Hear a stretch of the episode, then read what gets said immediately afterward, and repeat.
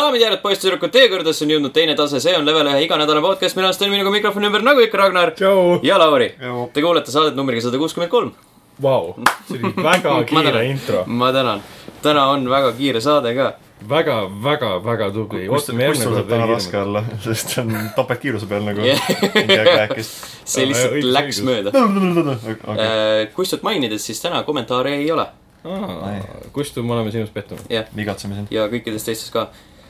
Aga mis teha, liigume kohe mängude juurde. mis meil siin on?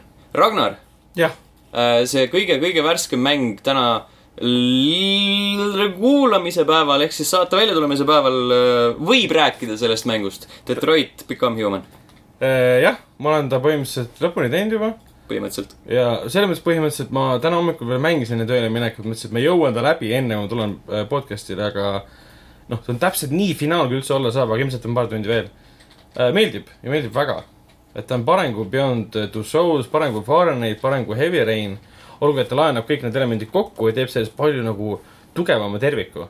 et Margus on ka seda mänginud ja tema ütles ka, et talle väga tegelikult väga meeldis. ja ma olin ise olin siiralt üllatunud, kui hästi töötab see episoodilisus, mis oli tegelikult Heavy Rainis ka olemas. kus oli vist kolm või neli tegelast, ma ei mäleta.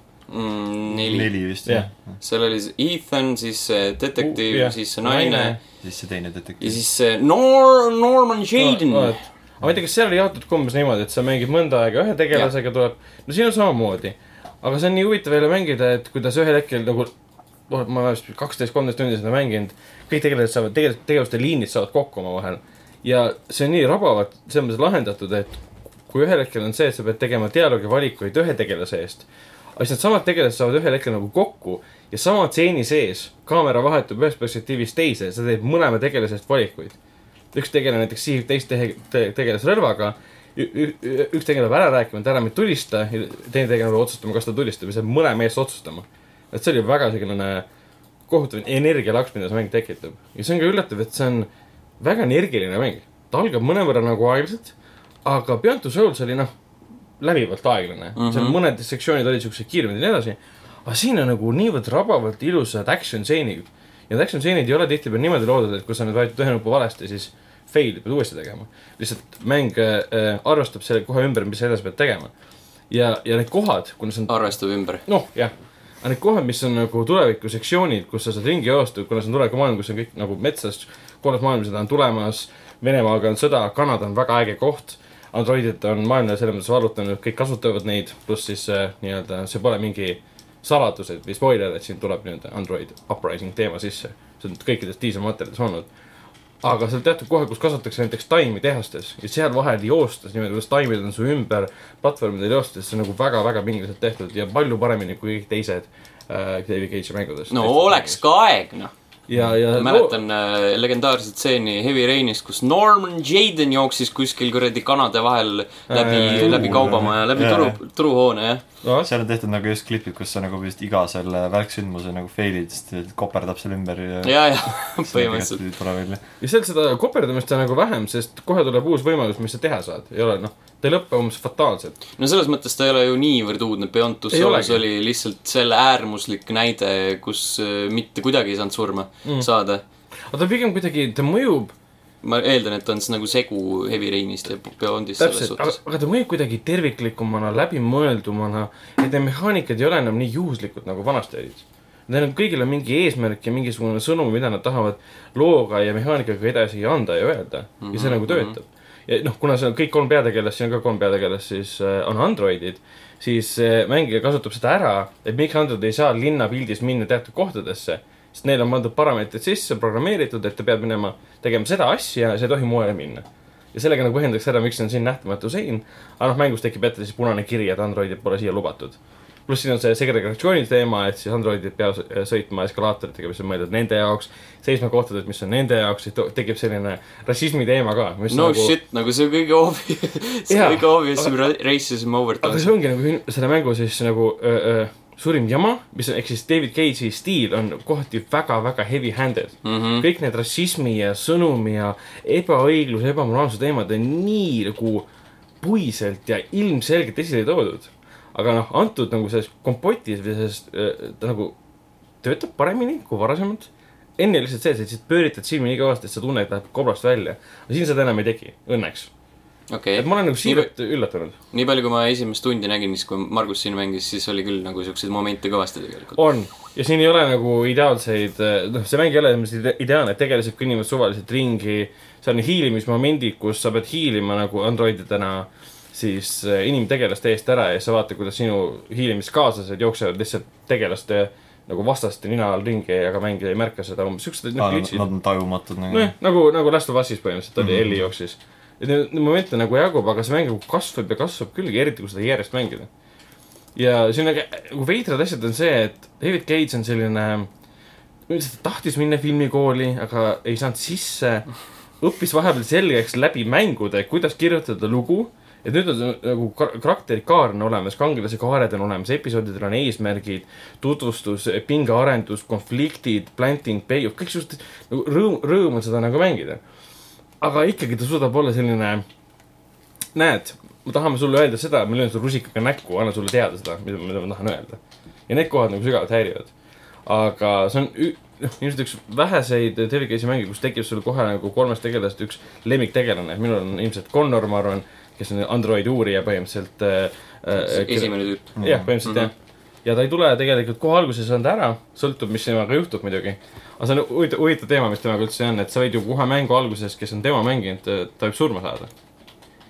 aga siis, mis temaga edasi saab, see on nagu huvitav, et see mäng küll ütleb seda, et kui see tegelane sureb, siis sa ei saa enam ta tagasi, pead olema ettevaatlik. Minul pole seda siiamaani juhtunud ja sellel on teatavad põhjused taga. ja ma kardan, et see on nagu siis mängutegijate või selle Quantic Dream'i siis äh, selline reklaamivõte. umbes nii nagu Hellblade'is oli see, et kui sa liiga palju sured, siis äh, Jah. tuleb reset ja sa pead algusesse minema. kui seal mingi, ma ei tea, mitu miljon korda sa pead surema, jaa, täpselt. aga see näeb nii kaunis välja ka. ja see on kõige kaunim asi, mis on äh, Quantic Dream teinud ja nagu Playstationi mõttes ka, et cinematic, totaalselt cinematic mäng, aga lumes ringi kõndimine on lihtsalt kaunis ettevõtmine ja, ja, ja vii- eh,. kuna, kuna David Cage'ile meeldivad noaarlood, ulmelood, inimlikud lood, noh, emotsionaalsed lood pigem. ja siis äh, Emotions. uurijad, siis igal pool on alati vihm sajab, tihtipeale on öö ja alati mingid uurijad kuskil uurivad. aga kuna Connor on põhimõtteliselt ainuke, kellel on kaaslane läbivalt loo sees, üks äh, lahe näitleja, Quincy Jones, kes mängib teda või midagi laadset äh,, siis tema on nagu inimkaaslane, kes alguses vihkab androide la la la erinevatel sügavatel isiklikel põhjustel. see nagu kasvab äh, siis Connor talle külge ja siis nad saavad nagu nii-öelda sõpradeks. Vau, ja see dünaamika on hästi tehtud. aga jällegi klišee klišee otsas, see on alati David stiil olnud, see pole muutunud.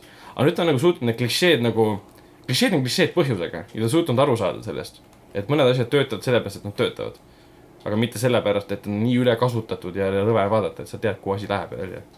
Et jah, mina olen nagu siiralt üllatunud. ja olen kuulnud, et tal on natuke, natuke rohkem kompetentsust enda taga, et noh, on, Cage'il on alati vaata selline umbes see so bad it's good nagu kvaliteeti juures, aga mis mind nagu kõige rohkem noh, ma pole Beyondi mänginud, aga mis mulle Heavy Rainis ei meeldinud, oli lihtsalt see, et ta minu meelest nagu lõpupoole veits vajus kokku, sest nagu see viimane noh, see, et kes Origami Killer on ja mida kõike mm., see ei olnud üldsegi minu meelest nagu loogiliselt seletatav, sest see, kui vaadata tagasi ülejäänud narratiivi, siis ta käib sellega nagu vastuolus.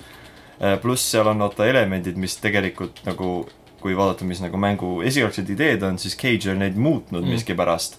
näiteks see, et äh, see peategelane äh, mingi kukkus kokku ja siis ärkas üles sellega, et tal on lihtsalt origami oma kõrval, et esimene idee oligi vihjata umbes, et äkki tema on umbes see ja mingisugune selline, selline üleloomulik element oli seal kõigil, aga pärast sai, no ei, ta lihtsalt kukkus kokku ja sattus teistesse kohtadesse ja It's for the lulls. et enam-vähem No, nagu mitte mingit loogikat, aga siin vähemalt esmamulje põhjal, kuna neid valikuid saab väga palju teha, pärast igat episoodi annab mäng sulle mõista ka, kuhu üks valik oleks võinud viia, aga sa ei läinud sinna, tegi mingi muu valiku ja sul on meeletu tegemata valikute puu. pluss palju bullshit on ka see. nojah, see, ehk siis enamus valikud korduvad tegelikult, siis viivad natukene mm. -hmm. mingi nüansi võrra mujale. Aga kohe tekib tunne, et tahaks tagasi chapter'isse minna uuesti proovida, aga ma pole si- siiamaani seda teinud. aga ma olen nõus jah, mis Heavy Rainil eh, oli see probleem ja oli ka sellel Beyond the Souls'is. aga siin mulle tundub, et ta on loo eelnevalt nagu läbi mõelnud, paika pannud ja jäänud selle loo juurde, mis on kirja pandud mm, sest asjad nagu, mis alguses vihjatakse, foreshadowing, planting, pärast neil on ka reaalne payoff ja lõpus ei muutu asjad liiga ulmeliseks, sest noh, maailm juba leiab aset, lugu leiab aset juba ulmes, ulme Jaa, kaks tuhat jaa. kolmkümmend kaheksa. et noh, Heavy, mitte Heavy Rain, vaid Beyond the Soulis tekkis ju see, et algas laheda isikliku loona, lõpetas kuskil Hiina äh, sõjaväebaasis vee all ja see oli nii lame. Fahrenheiti sai ka mingi Matrix võitlused. ja see lihtsalt lambist tüüp sai supervõimed. Matrix võitlused, kus sa mängid Simon Says'i, samal ajal käib selline võitlus taustal. ja siin ta on nagu aru saanud, et äkki kui ma tahan ulmesse minna või üle, üleloomulike teemasse minna, äkki, äkki ma teeksin siis loo, mis on ulme ja, või on juba üleloomulik ja siin ta on nagu sellest lõpuks aru saanud oma vigadest mm, -hmm. oma nõrkustest. järjepidevus. Jah. ma ei jõua ära oodata, millal ma seda mängida saan ja siis pettuda kõigest sellest, mida sa just rääkisid. nojah, võib-olla, võib-olla sellepärast ka ma mängisin seda eile nagu hommikust õhtuni või siis ma olen nagu nii, nii sees olin sellest, aga jah, mina, mina isegi jah, sügavalt soovitan seda. aga noh, samas ma olin väga siljas ka, kui see Beyond the Souls välja tuli, nii et Okei. vaatame jah, aga Frostpunk, Äh, Frostbank on ka läbi ja Frostbank on väga tore, et alguses, kui, kui me siin Reinuga vist rääkisime, see saja kuuekümnes saade mm, Mhm. -hmm. siis, siis see leil ei olnud nii suur veel selle mängu suhtes, Reinule ka ei tundunud, aga saun polnud veel kuumaks köetud. oli suht, suht külm. jah, siukene veits, aga Jäi. lõpuni jõudes ütleme, seal on, ütleme, kahekümnest kraadist äh, läheb mäng siis ütleme, saja seitsmekümne kraadini välja ja töötab see mäng lihtsalt ühel hetkel haarab endast niimoodi kinni, et see, see ei ole ikkagi nagu linna ehitamissimulaator ega äh, jah, on ikka ellujäämissimulaator ja need valikud, mis sa kõik tegema peavad ja mõnikord ma nagu nautisin neid kohutatud valikuid, mida ma tegin, sest ma teadsin, et väga paljud mängijad seda ei tee. ja mul jäigi nagu kurb tunne natuke sisse, et kuna selles ähm, Detroitis on kõik need protsendid olemas, mida teised mängijad teevad, ma tahtsin näha ka, et Frostbankis oleks ka niimoodi olnud. Et mina võtsin näiteks vastu uue usu, mida paljud üldse ei teinud. uus usu, uus, usk tähendab seda, et sa ei pea lootust enam jälgima, muidu on see, et lootus peab põhjas olema ja kui läheb madalaks, siis on nagu jama käes. ma võtsin uue usu vastu, tegin usupuhastuse, mingid noh, kolmkümmend inimest maha tappa, kes sõid uue usu vastu ja asi oli parem. ja pluss panin lapsed tööle ja kõik siuksed asjad, aga me elasime külma üle ja kõik oli rahul ja mingi kolmkümmend inimest suri ainult. jaa, soovitan mängida, see on suurepärane. Religion wins again. aga ainuke miinus on see, et ta on lühike. sa võid seda mängida nagu kakskümmend tundi, aga tegelikult mina mängisin seda vist ainult kolmteist või vähem isegi. ja seal on küll lisamoodid, mida sa saab s- nii-öelda story mode'id teha, aga põhistory'na see, ta kestis vist kokku päevades mingi kolmkümmend, kuu aega põhimõtteliselt. vabalt oleks võinud kesta aasta või midagi, veits lühikeseks jäi. aga nad lubasid pärast mängu suurt edut, et esimesel nädalal, et nad teevad lisasisu juurde ikkagi. okei, okei. Need olid, need olid minu mängud. Äh, Lauri, lõpuks ometi jõudis Yakuza kuus arvustus leveli veebi. jah, ja sain ise ka põhiliselt mängule punkti peale pannud, ma sain oma kõige esimese äh, Playstation Platinum Trophy kätte äh,, milleks oli siis Yakuza kuus, tihti ma, mul üldiselt nagu Playsta peal väga-väga palju mänge ei ole, need, mis mul on, on kõik sellised mahukad noh, ma ei tea, persona ja sellised, mida ma ma ei viitsi teha sajatunnisele mängule mitu playthrough'd ära mm. -hmm. aga Yakuza on ennast hästi rasked, sest seal on noh, kuna seal on neid minimänge seal nagu nii-nii palju ja neid kõrvalisi tegevusi mingi miljon tükki, siis näiteks paljudel ongi nagu trophy, et umbes tee, mängi kõik mingi, mine arkaadi ja tee kõik nagu need mänguautomaadid mingi makstulemuse peale. et nagu pigem, pigem ei, aga õnneks kuues olid nad seda palju, palju lihtsamaks teinud, et ainult nõudiski kaks kiiret nagu läbimängimist ja noh, seal sai seda kõige raskemat raskusastet teha ka New Game plussis, et siis ta oli nagu tunduvalt lihtsam ka. et äh, saigi siis sellega ühele poole ja vist kokku läks siis mingi seitsekümmend tundi. oh sa kurat, ei noh, korralik. jaa, et noh, sa läks ikka, et noh, lühem kui näiteks Yakuza null, mis võttis mul mingi üle saja tunni, aga ikka, ikka päris palju teha. ja siis ma mängin siin, mängisin Hellblade'i, et äh, natuke retro gaming, et eelmist Oh, wow. retro, jah. see on see, kuidas äh, sõnade tähendused kaotavad oma tähenduse. ei äh, noh, selles mõttes retro ikkagi ju. Hellblade oli, Hellblade oli äh, müügis äh, nagu mingi kolmkümmend kolm prossa maas Mhm. Steamis mm, -hmm. mõtlesin, et okei okay., uurin, et mulle Ninja Theory see Devil May Cry reboot isegi meeldis päris palju, et noh, minu meelest oli seal head ideed nagu peidus. tahtsin näha, et kuidas nad siis nagu täis originaalprojekti teevad. ja olin hea, palju head kuulnud Hellblade'i kohta ja ma olen vist kuskil poole peal, ma ei tea, natuke üle, mingi kolm tundi mänginud mis kohe juures? äh, ma üritan endale uut mõõka saada. mis on äh, puu küljes, et siis ma pean tegema paar trial'it läbi, et seda saada. et äh, siiamaani ta mulle meeldib, ta on selline huvitav kuidagi segu, ma ütleks, kui ma mõtlen, et mis tüüpi mäng ta on, ta on nagu segu walking simulatorist ja hack and slash'ist. Mm. et mõlemad nagu mehaanika poolest on vägagi sellised pealis, nagu pinnapealsed ausalt öeldes, et ta äh, noh, see, kui sa üritad nagu need keskkondades need õiged kujud leida, mida kõik, et see pole nagu midagi ülimalt kompleksset, et tihtipeale sind lüüa, lükatakse nagu õigele poole ka. ja noh, see võitlussüsteem on ka päris selline lihtne asi, et, et noh, taogi nagu kiireid rünnakuid ja äh, tugevaid rünnakuid sinna lõppu, et nagu rohkem nagu damage saada sisse või löö jalaga inimeste kilpe, et noh, selline no või siis õigel ajal äh, deflect imine. jah, et noh, selline nagu Yakuza ilma hit move ideta, et äh, et saab nagu hakkama ja noh, sa mainisid vaata see, et kui sa sured teatud arv kordi, siis sa nagu sured igavesti ära, aga pean mõtlema, et kes see siin mängus nagu nii, nii palju sureb. ma, ma vist ükskord surin ühe bossi võitluse ajal ja see oli ainult tänu sellele, et ma ei ma mõtlesin, et ma olen surnud, kuigi ma tegelikult ei olnud, ma tegelikult sain ennast veel liigutada mm. -hmm. eest ära. sa olid seesmiselt surnud, sa olid alla andnud. ma olin alla andnud jah, põhimõtteliselt. et äh, väga raske vist ei ole, aga ta on äh,, ma ütleks, et noh, tal on paar asja, mis on minu meelest nagu nõrgad nagu võib-olla mänguna, aga ta on kogemusena ülimalt huvitav, et esiteks ta näeb minu meelest ülimalt hea välja äh,, arvestades, et see oli noh, Ninja Theory iseseisvalt tegi selle kõik. ta näeb nagu ikka väga-väga hea välja ja see audiodisain seal on nagu mm. -hmm. ülimalt, ülimalt hea, et see, et kuidas lakkamatult käivad sul mingid räiged sosinad ja mul on noh, mul on surround sound nagu kõrva, kõrvakad ka, nii et siis see aitab ilgelt kaasa sellele, et see pidevalt sosin, sosinad ja asjad käivad sul kõrvas ja see muutub kuidagi nagu mõne tunni pärast kuidagi sinu normaalsuseks. see on nagu veider ja see on nagu võta, huvitav võta. klapid peast ära, et kurat, liiga vaikne on. ja, ja umbes, et, et, et see, et ma kuulen mingi nelja häält samal ajal, et see on nagu muutunud normaalsuseks. ja see oli kohati väga rõve ka, kuuled kuskil kukla taga keegi räägib, et see nagu jaa, nad on lakkamatult kuidagi noh, nad on umbes, et, et noh, suunad vahest sind õigele poole või mis teha, aga tihtipeale nad on pigem selline, et ah, et ära, mine jookse ära, et sa ei suuda seda teha. ja noh, vahest eriti kui nad, sa võitled, siis nad on sulle eriti abiks, sest nad on noh, see, see vana hea behind you ja siis saad alati nagu kohe dodge idest, siis tead, et mingi vastane on su selja taga. ja paar häält on natuke noh, ei ole ainult enda hääled, aga nagu muud hääled ja teised sellised jämedamad basshääled on kuidagi rohkem kõhedustunnet tekitavad, ütleme nii. ei, väga, väga, väga huvitav kogemus, ütleme nii, et, et Paks vaatab, kui ma siin äh, lõpupoole jõuan, et mis siis seal edasi hakkab saama. seal on mingi, vaatasin, et menüüs on mingisugune dokfilm vist antud Jah. kaasa. making of. okei okay,, see on siis, see ei ole nüüd seesama making of, mis Youtube'is need äh, pre-production'it ja kogu production'it lasid välja, aga ta nüüd sügavam ja teistmoodi tehtud. Jah. seesama Melina Jürgens, kes siis näo ja hääle andis sellele motion, motion capture'is äh, äh, Senuale, tema siis tegi selle. mm, et nad ütlesid, et äh, jah, see, et pigem vaadaku seda ja siis, on mäng läbi. Mm -hmm. ei, aga ta on ülimalt hea kogemus, ma ütleks, et ta on nagu selline huvitav nagu žanri poolest nagu õudusmäng mingil määral.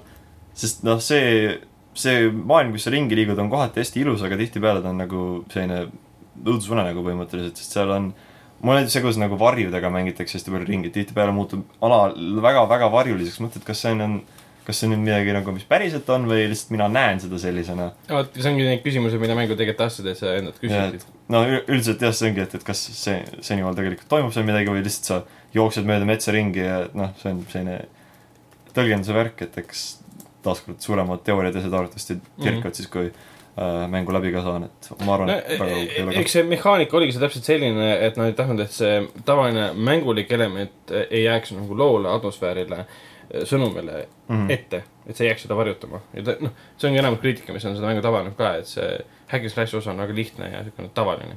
mm.. jura lausa ütleks. aga noh, seal ma ütleks, et see on just noh, minu meelest see võrdlus nagu Walking Simulatoriga ei ole nagu liiga kaugel nagu sellest, mis nad võib-olla üritasid teha, aga noh, mulle meeldib, et nad on vähemalt mingisugust, mingisugust nagu interaktiivsust sinna veel juurde panna, sest Hollywood juurde tegib asi nagu Layers of Fear, mis on õudusmäng, kus sul ei ole võimalik ära surra. mis võtab minu meelest nii palju nagu, röövib nii palju sellest nagu õhkkonnast, mis seal on, siis mõtled, et äh, midagi nagunii juhtuda hmm. ei saa Layers of Fear ehmatas mind eh, jupeks.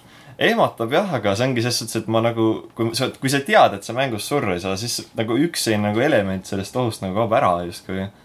et sa nagu, sa kardad ainult seda asja, mis sind ennast ehmatab, aga sinu tegelas on, tegelane on nagu okei okay, Mm. ma võingi põhiliselt karjuda ja joosta ekraani eest ära ja mu tegelased on tõesti nagu see oligi võib-olla sellepärast, miks nad selle reklaammaterjalis nagu välja ütlesid, kui sa liiga palju sured, läheb mäng reset'i. ma arvan, et see on vale, seda ei juhtu tegelikult Jaa. ilmselt sellepärast, et ei saanud ju öelda, et oh, sa ei saa mängus surra. Nad tahtsid, et see ees, see pinge jääks ikkagi alles. jah, no see kindlasti tekitab nagu pinget, kui nagu, kui, kui ei ole just kõige pädevam, aga noh, mina olen vana hack and slash ekspert, nii et lebo case. aga kui sa selle mänguga lõppu jõuad, siis ütle kindlasti, kuidas sulle lõpp meeldis ja kas sa üritasid teha seda ühte asja lõpuni nii kaua, kui sa suutsid. kas see on huvitav oleks kuulda sinu mõtteid selle koha pealt mina lihtsalt lõppu venitasin väga pikalt, aga no ma ei ütle, miks, nii et sa jõuad selleni, sa saad aru. selge, selge, selge. mina mängisin vahepeal sellist asja nagu Onrush Beta, mis oli nädalavahetusel käimas ja siis Trailblazers ja sinna sekka ka veel natuke Mario kart kaheksa, et kõik on äh, automängud. Uh, Onrush on siis selline tiimipõhine, et seal on nagu uh, selline maastikuline ringrada, kus uh, kaks meeskonda, ütleme kolm võib-olla, kolm, kolmas on siis uh, ai poolt juhitud mingid siuksed, sihuke fodder, ütleme nii, kahuriliha uh,. no ülesandeks on see nii-öelda punkte koguda ja vastast, vastast välja rammida ja, ja kogu aeg konstantselt boost ida ja siis sellega nagu kõikide sellega kogu, kogud punkte. ja siis seal on, ma ei tea, ma ei mäleta nagu mitu raundi on seal sihuke, no mit, mitu raundi pidid võitma igatahes. ma ei saanud päris täpselt aru, kas see oli järjest või oli see nagu teatud arvu peale. aga ta on segu Burnoutist ja mis see Motorstorm oli PS3 peal vist või? see mingi, mingi multikalik välimus sellel vist oli või? see just multikalik on, nagu noh, mitte nagu üdini realistlik, aga aa, see on Codemasters oma. jah, Codemasters mm. sihuke, sihuke ralli, arkaadiralli. ta oli okei Cinematic trailer on väga hea välja. nojah, selles mõttes, et äh, ma tean, et äh, Rainer Peterson rääkis sellest, et oi, see oli päris tuus, siis ma mõtlesin, et okei okay,, eks ma siis proovin. siis ma mõtlesin, et see ei ole nii tuus, kui ma arvasin. ai, ai, Rainer. Kui seda müüdi. Nii et mul, minu, minu jaoks nagu see ei olnud eriti, eriti lahe, et nagu, et ma peaksin nüüd, peaksin nüüd jääma seda, mis iganes hetkel see ilmub, et seda nagu täiega ootama. võib-olla mängiks seda natukene veel, et äh, seal nagu teatud, teatud element oli, aga see juhitavus ei olnud nagu nii hea. hästi palju oli sellist, kui sa kuskil, kuskil kinni jääd või noh, hästi kergelt nagu äh, sõidad, ütleme, sõidad vastu puud ja siis sa oled nagu automaatselt nagu isegi siukse pisema, pisema liigutusega, et seal ongi see teema, et sa pead konstantselt liikumises olema. et kui sa näiteks jääd nii-öelda karjast liiga maha, siis sind automaatselt pannakse nagu sellele, sellele pundile jälle sappa. kui sa kõidad, sõidad natukenegi vastu puud, sihuke riivad, siis oled juba väljas ja see on natuke sihuke kuidagi kohmetu süsteem uh,. Trailblazers on uh, samuti sihuke ringraja sõid, võidusõit. seda mängisin ma ainult single player'is, sellepärast et ma ei tea, kas seal on netipõhine asi siis Switchi Võib-olla peal jah? uh,. ei, seda mängisin Xbox One'i peal, mõlemat Mhm. mängisin Xbox One'i peal. see on uh,, näeb välja põhimõtteliselt nagu, see, see on küll väga multikalik stiil ja see on uh, põhimõtteliselt uh, Splatoon autodega et sa värvid ringrada enda meeskonna värviga, siis see annab sulle ja su tiimikaaslastele nagu boost'i ja takist-, kui sa sõidad nagu vastaste eest ette, siis neid takistab ja siis nemad saavad sinu, sinu rada värvida, sina saad nende rada värvida järgmistel radadel. oota, see on nagu järg millelegi siis või? ei, miks see peaks olema? aa, see on kahe kui- tuhande viienda aasta mäng või? ei, ei see, on otsid õiget nime? Trailblazer. Trailblazers. ma ei tea, see on võib-olla see ei ole nagu Jaa, kõige jaa, originaalsem nimi, ma tean. ei, mäng on olemas Trailblazer, mis on ka siis racing. Trail. Brothers. Trail Brazzers, Trail Brazzers. Ja on olemas. siis kui mina värvipimedana seda mängiks, siis mina oleks vist suht hädas, taaskord. Ableist mängud. see on tea olemas, vär-, colorblind mode, kus on ainult kaks tooli. see on hea küsimus, võib-olla. see oli nagu selles mõttes, ma lootsin enamat, kui see, see, kui ma esimest korda treilerit nägin, siis mõtlesin, et see on nagu ülituus tegelikult, aga see juhitavus on veits selline, veits puine, veits ebatäpne. siis, kui sa jääd kuskile ki,, suurel kiirusel jääd kuskile nagu kurvis kinni või noh, nagu seina külge kinni, siis sa oled seal nagu tükk aega, enne kui sa välja saad sellest. idee kõlab suht lahe minu meelest. idee, ideena on ta väga tuus. vaatasin, sellel on go-up ka, et võib-olla on isegi põnevam kahekesi mängida või mitmekesi mängida. mm. -hmm. et seda peab veel proovima. et ehk siis ta läheb paremini. see tuli Ja nüüd välja paremaks. jah, ma vaatasin kaheksas, mis ta oli, kaheksas mai. et on Steamis on juba olemas ka. jah. Ja Mario kart kaheksa on jätkuvalt Mario kart ja Nintendo labo, kõik asjad on valmis nüüd. Vau, ehk siis äh, õng, klaver, õng, klaver, auto, mootorratas ja au- maja. nice, see on uus koht, kus elada. ja see on kõik jah. ja siis see vutlar, puldivutlar, Joy-Coni tupp. No okei. see on see on esimene. ametlik nimetus. ei, ma ei tea, mis selle, lihtsalt Joy-Con holder oli vist selle nimi. mm. -hmm. Uh, see oli lihtsalt sihuke esimene harjutus. aga ma ei tea, klaver nagu tundub eksperi-, eksperimendi mõttes tundub klaver kõige tuusam. see, mis seal nii-öelda default'ina mängitav on, see on suht sihuke pointless, aga ma arvan, et siis, kui seda stuudio osapoolt näppima hakata ja ise, ise saad nagu mingeid siukseid muusikapalu teha, siis see on nagu päris, päris äge isegi. Mm. senise nagu mängu, mängu põhjal kalastamine tundub nagu minu jaoks kõige, kõige ägedam. see on sihuke, noh, kalastamine nii või naa on nagu selline suhteliselt monotoonne, rahulik tegevus ja siis siin samamoodi. nojah, siis istud kodus ja mängid kala ja siis noh, kala püüdmist, istud samal mobiilis. Tegeled millegi muuga. varsti tahad nagu Youtube'is otsida mõnda nagu laulu cover'it, vaata mingi Claire de Lune cover, siis tuleb ka- cardboard cover ja see ongi lava peal tehtud ja siis jah, need on ka päris ägedad asjad, mis lavaga tehtud on. aga sellel on siis tulemas nagu mingid nii-öelda DLC pakid ka, et sa saad juurde osta mingeid asju. DLC papid. DLC papid, täpselt jah. ma ei tea. ma eeldan, et tuleb neid variety kit'e tuleb veel. no kuna Okei. see oli niikuinii juba eos nimetatud variety mm. kit number one, nii et kindlasti tuleb neid veel. samas pluss, ei maksa ju ka palju, see on mingi üheksakümmend. mingi seitsekümmend on vist oli see no et- ja kaheksakümmend on see robot. robotil ma ei näe vaata mõtet nimega. kui siin on juba nii palju variatsiooni. mm.. ja ma nägin hiljuti video, kus Ramin, Ramin Djawadi ilmselt hääldab valesti tüüp, kes tegi siis Game of Thronesi teemamuusika, üldse muusika, mängis siis oma seda Game of Thronesi teemamuusikat sellesama mm. -hmm. klaveri peal ja tuli tal päris hästi välja. ja seda on väga, väga palju on jah, erinevaid videoid muusikast, mida on tehtud laboga. aga sellised olid mängud, enne veel, kui uudiste juurde liigume, siis Youtube.com kaldkriips level üks ee ja alternatiivselt ka Facebook, Facebook.com kaldkriips level üks ee. Youtube'is Yakuza kuue video lõpuks ometi ja mm -hmm. Facebookis vaikselt, vaikselt tilgub labo ehitusvideoid. Need on väga toredad. kaks tükki. ning mängud, mis kahe podcast'i vahel ilmuvad, Detroit Become Human, nagu enne mainitud, homme, kahekümne viies mai. Ja kahekümne üheksandal mail Street Fighter kolmekümne aasta puhul siis suur ülim kollektsioon. jah, hästi palju ju kraami on seal. Street Fighter kolm on seal, nii et seda on, seal on äh, mi- minu, minu poolt nagu soovitatud mäng olemas üks, kuigi eks vaatab, seal on vist neid, ma ei tea, üheksa tükki või midagi, et eks vaatab, kuidas endale see hind meeldib. et igale fännile täiesti sobilik. midagi sealt peaks olema, kõik, kõik täi-, täismänge, mis on kõik paremad kui Street Fighter viis. Äh, nii, vaatame kohe kiirelt üle, siin on kaksteist Street Fighterit.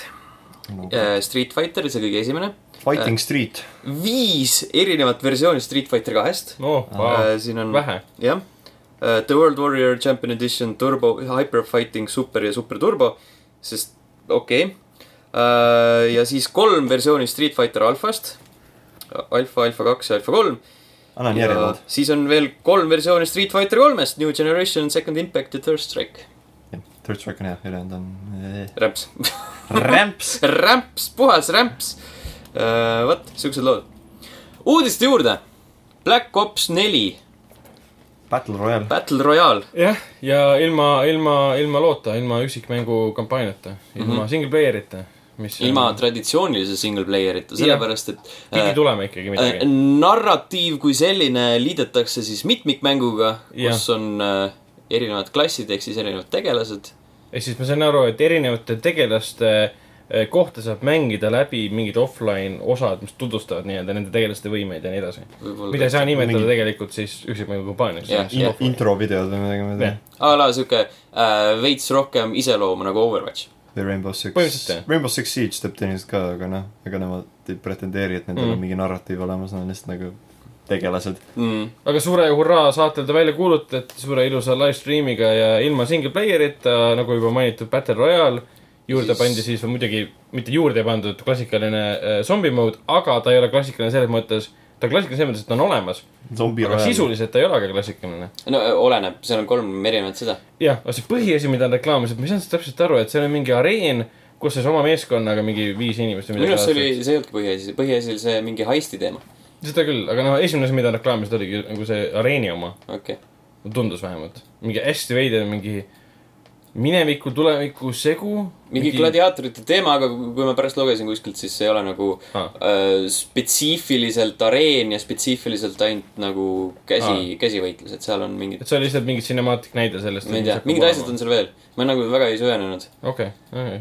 nagu see kõige täht-, seal see, mis see oli, Blood of the Dead oli vist mm. -hmm. ma eeldan, et see on remake äh, Black Ops kahe mm, sellest äh, vanglavärgist, aa, okei. kus, kus need olid need erinevad tüübid.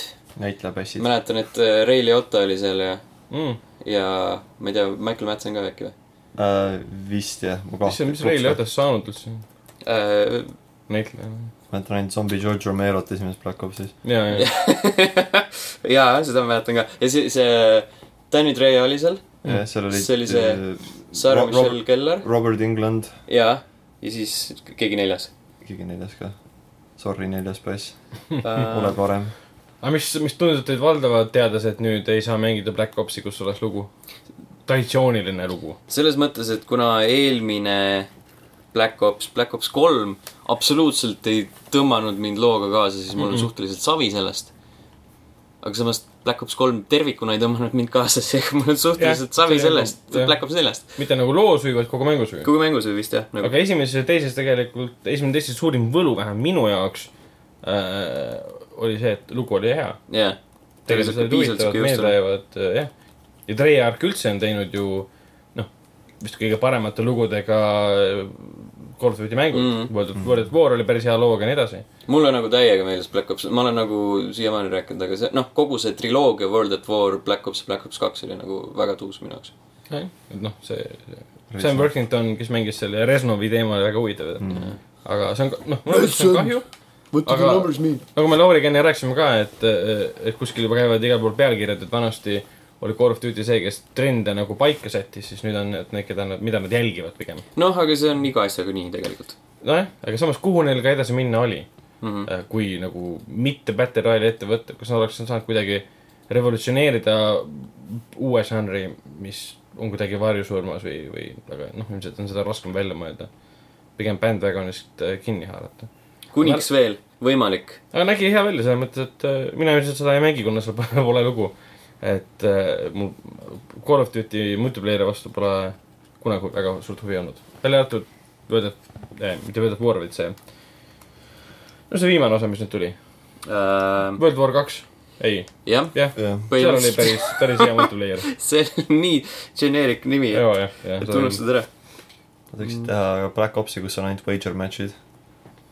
see oli minu äh, lemmikosa esimesest Blopsist või esimese Blopsi multiplayer'ist vähemalt, Mhm. et äh, see oli selline lõbus värk, eriti Sticks and Stones, kus sai vastase punktid nullida ühe tomahawk'i viskaga. aa jaa, see oli päris tuus. siis ma olin see päss, kes lihtsalt jooksis viimased kolmkümmend sekundit niimoodi, et mul oli lihtsalt tomahawk nagu ülal ja leian esimese kohe üles ja kohe nulli. Uh, Mob of the Deadis oli jah, Ray Liotta, Michael Madsen, Joe Pantoliano ja Jazz Palminteri. ma ei tea, kes see on. Joe Pantolianot ma tean, aga Jazz Pantoliano. Jazz Palminteri, Just see on check väga võõras nimi. vaatame, known for the usual suspects. aa, tema oli vist see, kes Dave. lõpus äh, sai aru, et Jan. äh, kes on Kaisa Soose äkki või? võib-olla, ma arvan, et jaa. ei mäleta enam seda. Te ikka mäletate, kes oli Kaisa Soose? jah, Kevin Spacey. ja me teame, kes Kevin Spacey on. ehk siis Kaisel Sose tegel-, tehniliselt oli. oligi Kaiser Soose. punktid, punktid omavahel kokku. punktid omavahel kokku. aa, Liig-, aa, kusjuures siia vahele saab öelda, et äh, Charlie Intel ehk siis tuntud veebisait, kes räägib spetsiifiliselt Call of Duty'st mm., väitis, et järgmine Call of Duty on Modern Warfare neli. Ega neil kuskil väga mu- mujale minna ei olegi. ei no aga ma mõtlen, noh, ma Ops- mõtlen loo poolest, mis nad sealt nagu jätkavad. sest MV3 ju nagu sidus kokku, aga noh, ma ei tean. tea, no Black Ops kolm oli ka täiesti suva jorr. Nagu teoreetiliselt võrreldes nad võivad ju teha Call of Duty nelja. sest kui numbriliselt vaadata, on Call of Duty üks, kaks, kolm ja siis tuleb Modern Warfare. ei, Call of Duty neli äh,, alapealkiri Modern noh, Warfare. jah, aga samas ei Ja ole siis olnud Modern lihtsalt, aga ei ole olnud lihtsalt Call of Duty nelja. on olnud Call of Duty neli Modern Warfare. ja siis olema et see ko- kohe spin-off, enne kui me teeme numbrilise episoodi, me teeme kohe spin-off'i. jaa. võinud olla Call of Duty viis, Modern Warfare kaks jaa, ja siis Call of Duty kuus Black Ops ja sealt nii edasi. jätke numbrid nagu ikka ette. alapealkirjad alapealkirjadeks. ok äh,. rääkides seeriatest, siis äh, Stalker. Lõpuks ometi teine osa.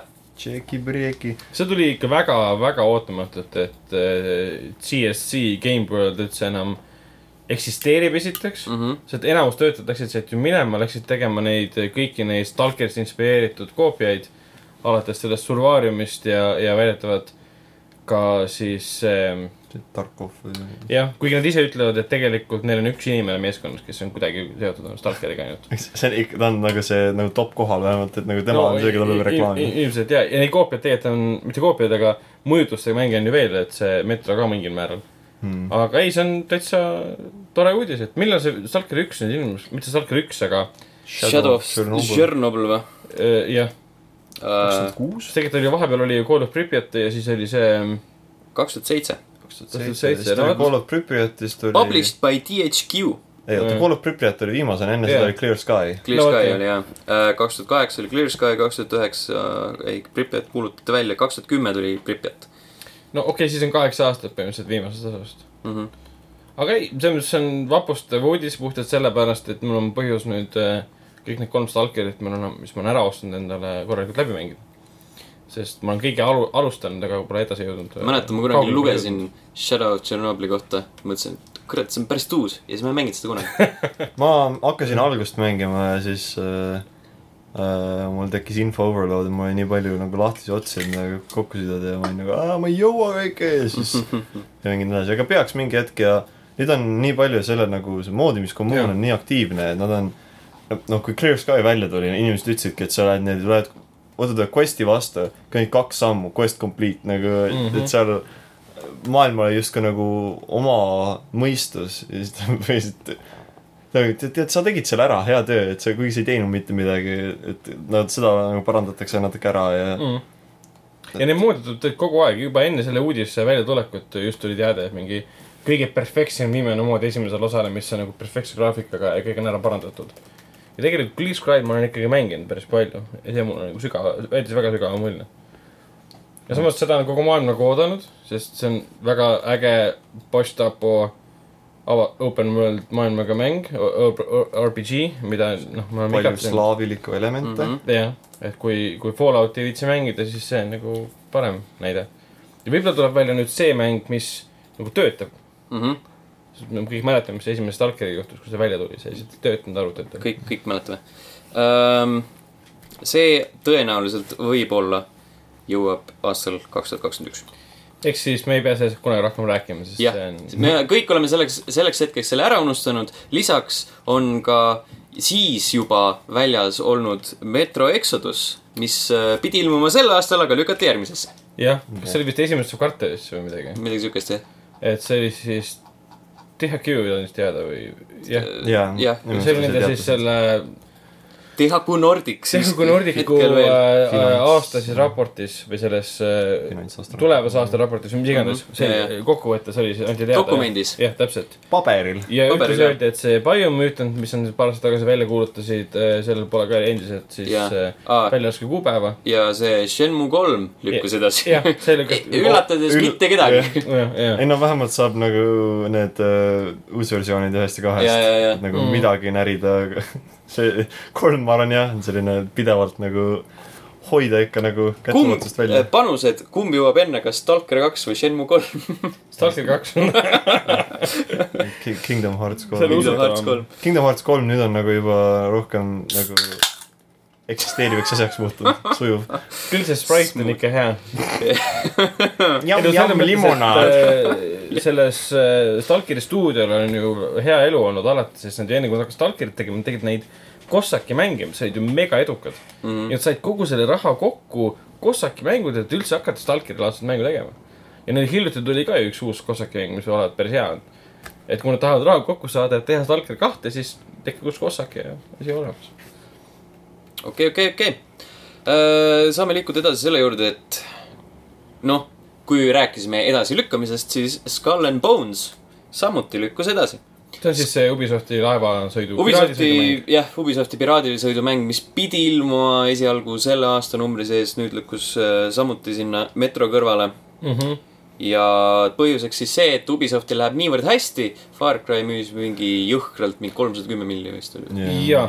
ja siis äh, äh, kõik, kõik muud asjad on ka päris head. Rainbow Six Siege on äh, edukas ja siis see mm, noh, isegi For Honor on veits, veits mm. -hmm. tublim, kui arvata võis. kuigi nad on oma tuleviku projektsioonid selle koha pealt, palju neil kasum tuleb, alandanud mingi noh, kolme või nelja võrra madalamaks mm.. Mm, et päris nii kõrged lootused enam neil ei ole. jah, nad on nagu äh, kahe jalaga maa peal, aga siiski läheb hästi.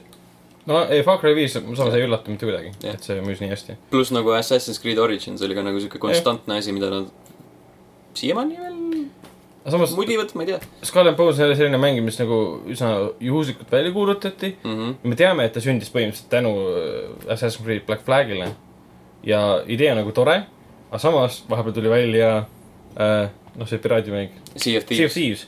Mis mõnes mõttes on sarnane, et ma saan aru, et nad tahavad siis võib-olla selle nii-öelda jutumärkides läbikukkumise tõttu äh, äh, äh, asju parandada, täiendada mm, -hmm. mida Mhm. nad pole avalikult välja öelnud. jah, nad ütlesid, et äh, lihtsalt võtavad aega, kuna, kuna neil on see võimalus nagu jah. finantsiliselt aga Sea of Thieves pole tegelikult läbi kukkunud, lihtsalt ta ei ole, ei olnud see mäng, mida inimesed ootasid, et on. mm. -hmm. Aga ei, see Skull and Bones'ist pole väga kahju, et edasi lükati, sest ega me seda väga ei oodanud ka. Mm -hmm. mida me ootasime väga, vähemalt kindlasti mõned inimesed meist, Borderlands kolm, tänavu E3-l äh, ei ole. kuigi võis arvata, eriti just arvestades seda Walmarti leket Kanadas ja mm -hmm. siis äh, erinevaid äh,, erinevaid saginaid igal pool interneti sees. Aga jah, öeldi, et Borderlands kolm E3-l kas nad ütlesid välja selle, et see on. Borderlands kolm, nad ütlesid, et see on nende üks suurimaid frantsiise, mis uue, uus episood edasi lükkub. ehk siis Borderlands kolm. kui nad vist, mis, mis neil veel on? Colonial Marines kaks. ei no täpselt, aga see on Neil nii on pi- kummaline, et nende pressiteade oligi see umbes, mitte pressiteade, vaid mis need meediad ütlesid, see on suure frantsiisi uus osa.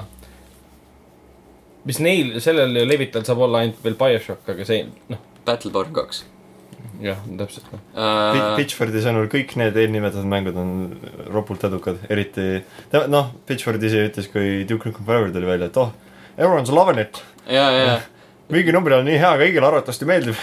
Pitchford üldse on veider vend. Nagu viimaste aastatega nagu ära pööranud kuidagi. või siis lihtsalt ei ole ta nii pildis olnud enne seda. aga nüüd ma arvan, et ta ei ole lihtsalt pildis olnud. võib-olla tõesti, võib-olla tõesti. sellepärast, et Twitteris oli ka see teema, et tema kontol ka ta tegi mingi pika-pika postituse, mille ta pööras selleks, et kui ma ütleksin, et Bat- Borderlands kolm ei tule sel aastal välja, siis te ei usuks seda. ja siis se- selle, selle tulemusena muutuks Borderlands ko- kolm, Borderlands kolm uueks Half-Life kolmeks ta ütles äh, Jim Sterlingule kaudselt, et ta on paks. mm.. Tegi ära. pani päriselt, pani paika, ei see oli mingi intervjuus, kus ta väga kaudselt nagu mainis Jim'i ehk niimoodi, et noh, ta ei öelnud nimepidi, aga ütles, et ah, see on see mingi päss, kes mingi, paks kriitik. see mingi päss, kes naerab minu nagu tegemiste üle ja ütleb, et ma olen mingi ilge, ilge noh, ta paistab olevat mees, kes suudab äh, kriitikat väga hästi vastu võtta. tundub küll. ja üldse mitte hoorata ennast ja enda brändi mm.. siin on nagu väike, väike vihje sellele, kuidas ta Twitteris inimestele vastuseid saatis, et hei, kas Borderlands kolm on uus Half-Life kolm? nagu kõik, hästi paljudele inimestele täpselt sama vastus Half-Life kolm on ainult üks mäng, keegi, ükski teine mäng ei saa olla Half-Life kolm mm. mm. -hmm. aga ei, Borderlands kolm äh, tegelikult on kahju, sest äh, esimene oli väga hea, teist ma ei ole siiamaani mänginud. aga jällegi, kui kolmas osa lõpuks tuleb et mul on põhjust seda läbi. -hmm. Pre-sequel on ka veel seda ma olen mänginud mm? -hmm. see mulle meeldis. okay., kuigi mul oli lüngad nagu sisuliselt väga palju seal, sest noh, ei olnud mänginud testuse. jah, see töötab tõenäoliselt paremini kui see teist osa, tead, teine on parem kui Pre-sequel. Jah? nii palju, kui ma näinud olen. Anywho, vahepeal Valve keeras tolmu üles, keerutas siin seda väites, et äh, hei, anime dissid ei ole lubatud meie platvormile. Saatis siis sellistele mängudele nagu Honeypop ja mis iganes veel, Nekopara. Nekopara ja sellised äh, riskee sisuga mängud, mis niigi on ennast äh, mudinud selleks, et äh, Steam'i saada, ütles neile, et kuulge, et peate veel mudima, teil on mingi kaks nädalat aega Hmm. ja Honeypopist minu arust võeti välja, sa pead põhiliselt ise nagu seda patch ima, et saada nagu dissid välja. mõtlengi, et, et lisaks veel mudima, et seal, seal oligi nagu tsenseeritud versioon, nii-öelda tsenseeritud versioon on Steam'is, siis muudel platvormidel, kus iganes või kus iganes poodist on, on võimalik saada nagu seda äh, päris versiooni. aga kas keegi oskab öelda, kust see otsus nagu tuli? ei tea, kas- Speku-, spekulatsioonid on, et mingisugune kõrvaline organisatsioon nagu umbes kuidagi et see, lükkasid Steam'i seda, Valve'i seda tegema. et Steamis on liiga palju mänge, mis liiga palju seksuaalsust, aga mitte seksu-, ilmselt mitte seksuaalsust, aga kus, kus kujutatakse üle seksu-, üle seksualiseeritud äh, naisi ja mehi Mhm. tõenäoliselt. jah, nagu Witcher kolm ja jah, aga loomulikult, loomulikult ärme mine nende peale, need toovad liiga palju raha sisse, aga mm. -hmm. need alatud anime-dissid, kaotagu ära. mm. -hmm. et see on nagu selles suhtes nii veider, sest vaata need mängud nagunii eksisteerisid oma väikses nurgas nagu Steamis nagunii, et nagu inimesed, kes, keda ei koti nagu anime nagu visuaalromaanid ja kõik asjad nagu nemad lihtsalt vaatavad selle poole no,, nende ega- jaoks on see nagunii nagu öö, ei taha. ega need ei ole ju suured äh, hitid ja need pole nagu Steam'i top sellerite hulgas või, Need on või... nii nišš kui võimalik asjad jah. nojah, et see kuidagi tundus nagu veider, et Valve hüppab neile nüüd kaela mm.. aga noh, ja noh, loomulikult see on arusaadav, miks nad ei lähe nagu suuremate asjade vastu. ja siin võivad olla mingi Gabe'i nagu isiklikud põhjused ka. ja, Gabe läks jälle nugadele äh,. igatahes nüüd on, nüüd on äh, asi nii kaugel, et äh, Valve ütles, et äh, ei, ei, ei, siin oli väike viga, teil ei ole vaja midagi teha. saatis nendele mänguarendajatele, kellega, kellele varasemalt oli öeldud, et teil on kaks nädalat aega ja siis ütles, et eh, cancel that. me, me uurime seda situatsiooni, siin oli mingi eksitusega tegemist. On ametlikult ütles, et, et Nekopara on tema lemmikmäng Jaa, jaa. aastast kaks tuhat kuusteist.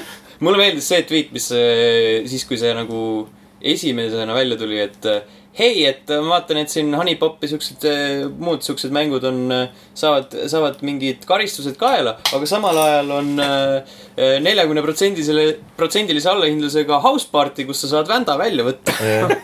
ei no üldiselt inimesed olid mingid ah, et vägivaldsed mängud saavad olla ja nagu sellised Mm. veidi, veidi, mina pigem ütleks, et nagu, et kui Valve tahab asju reguleerida, äkki vaataks, et kui palju nagu roojate new release'ide hulgas on et nagu inimesed võtavadki nagu Unreal'i mingit mäppe ja laevad need üles mingi minimaalse mängitavusega. et eh, pigem, pigem seda, kui mingid eh, animerinnad, palun.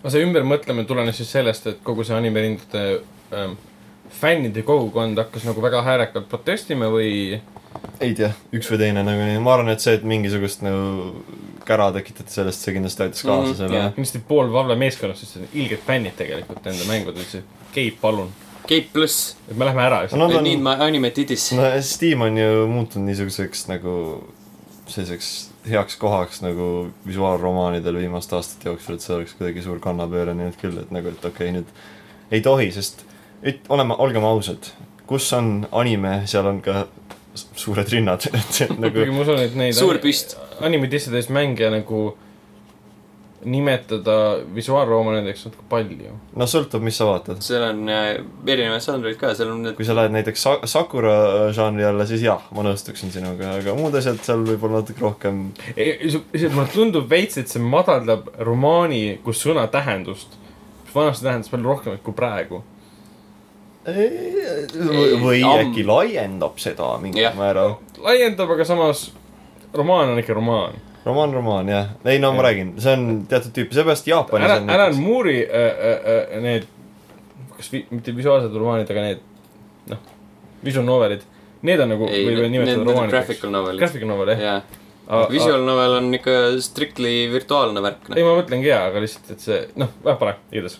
Jah. so,. mängi, mäng, mängi, või loe läbi, ma ei tea, Toki Toki Literature Club või, või, või Song of Saya. Seda viimasega ma natuke hoiatan, et see on päris karm, aga need, need on nagu sellised head näited või siis sellest äh, Katava Shoyu, kus on nagu hei, see on päris hea lugu ja siis ühel hetkel lähevad äh, äh, inimesed kuskile kuuri taha anaalseksi tegema. jah, Eh. täiesti lambist kohast ei no juhtub, mm. -hmm. vahest, või vahest. siis äh, Alan Moore'i mainides siis äh, mis iganes see äh, raamat oli, kus äh, lumivalgeke ja see- teised äh, mul-, muinasjututegelased rääkisid enda seksuaalsetest kogemustest. seda, seda võid ka lugeda. tahtsin just öelda, et ei kas no ma seda see üht, ühte raamatut, kus Alan Moore kirjutas ka selle graphic noveli, kus äh, ilmus ammu enne Shape of Waterit, kus oli ka üks naine ja üks kalamees, kes olid omavahel äh, äh, graafilises mõttes suguühtes okei okay., Lost Girls on selle nimi ah.. Eh, mitte selle, mida sina kirjeldasid, vaid see äh, Boys. Alice, Alice Simedamaalt äh, Dorothy äh, Wizard of Ozist ja siis Wendy Darling hoopiski, Peter and Wendy'st Hmm. ja siis nad räägivad jah, kohtuvad kui täiskasvanute aastal tuhat üheksasada kolmteist ja kirjeldavad siis üksteisele erinevaid äh, erootilisi seiklusi, mis neid eluteel on vastu tulnud. see miskipärast, kui sa alguses seda mainisid, ma mõtlesin sellest äh, vist oli see nii Fables või vaata see, mille põhjal The Wolf Among Us on tehtud Jah. yeah.. see on ka selline, aga noh, see, seal vähem seksuaalne, rohkem sellist niisama grittiness nii-öelda, Edgy, dark and edgy, aga heas mõttes, vähemalt Mhm. alguses äh,. heas mõttes saame mainida ka järgmist uudist, nimelt on Microsoft otsustanud, et mängimine on vaja viia massidesse või lihtsustada seda protsessi. Nimelt nad lõid äh, sellise asja nagu Xbox Adaptive Controller, mis on siis äh, juhtpult, mis on äh, mõeldud erivajadustega inimestele, kes ei saa nagu nii-öelda lihtsalt äh, pult, tavalist pulti kätte võtta ja, ja mängima asuda, et kellel on vaja natuke teistsuguseid lahendusi, et see näeb välja selline, et sa saad sinna ühendada erinevaid seadmeid, mis äh,, mis nagu teoreetiliselt nagu lihtsustab seda protsessi. Et siiamaani on kõik need nagu erivajadustega seadmed on olnud sellised kallid ja, ja hästi palju peavalu, et siis nagu saad ühendada sinna selle puldi sisse, Xbox'i puldi sisse, selle adapti puldi sisse ja siis nagu pro programmeerida erinevalt vastavalt vajadustele. ja see on te tegelikult väga hea uudis, ausalt öeldes. see on hästi tuus jah. sest äh, tihtipeale, erivajadusega inimesi on palju tegelikult ja miks neil ei peaks olema võimalust äh, mänge mängida mm. -hmm. mida meie nii väga armastame näiteks. tihtipeale on see niimoodi ka, et nendel on justkui, nad peavad ise mingisuguse mooduse nagu leidma, et kuidas mm. -hmm. selle standardse puldiga mängida, et mul alati tuleb meelde üks äh, Street Fighteri mängija, kes äh, põhiliselt tal minu arust üks käsi ei tööta ja teine käsi töötab väga vähe ja ta põhiliselt mängib Street Fighterit kasutades Xbox kolmekümne, kolm kuuekümne nagu pulti ja ta liigutab kangi oma näoga ja nuppe lööb oma käega Mm, Mhm. okei, ja ta üritab kasutada ainult kahte nuppu ja ta liigutab kangi otseses mõttes oma põse ja keelega. nii et nagu natuke seda protsessi lihtsamaks teha on vist küll hea, et äh, see on ikka päris nutikus või hullus mingil määral. ei no selles mõttes küll jah, arvestades nagu erivajadusega inimesi on väga palju erinevaid, siis kindlasti see üks versioon sellest puldist ja kindlasti ei rahulda nagu kõikide vajadusi mm. Mhm. -hmm. aga vähemalt see on hea algus. ei no see on nagu siuke programmeeritav, vaata sa saad jõhkralt palju neid erinevaid seadmeid sisse panna vastavalt just nagu on vajadus ja siin on ka mingid pisikesed nupud, suured nupud, erinevad juhtkangid ja mm, -hmm. ja kasvõi need, need puhumise asjad, vaata, mis on juba eksisteerivad. puhumise asja on väga palju tegelikult nii noh, tehtud nagu mingeid väikseid dokke juhtumeid mm -hmm. ja nii edasi, kus inimesed jah- jah, kasutavadki ainult puhumist, et mängida mingeid shooter eid ja nii edasi. et nende jaoks on see tõenäoliselt väga hea uudis jälle. jah, vot, siuksed lood.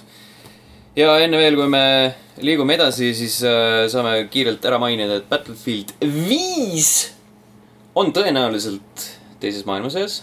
see on nüüd selleks hetkeks, kui saade väljas on, on tegelikult selgunud vist. haige Call of Duty ripu. sest kaks tuhat kolm oli, on ju see. kakskümmend kolm jah. jah, siis selleks hetkeks selgunud äh, võite kinnitada või ümber lükata.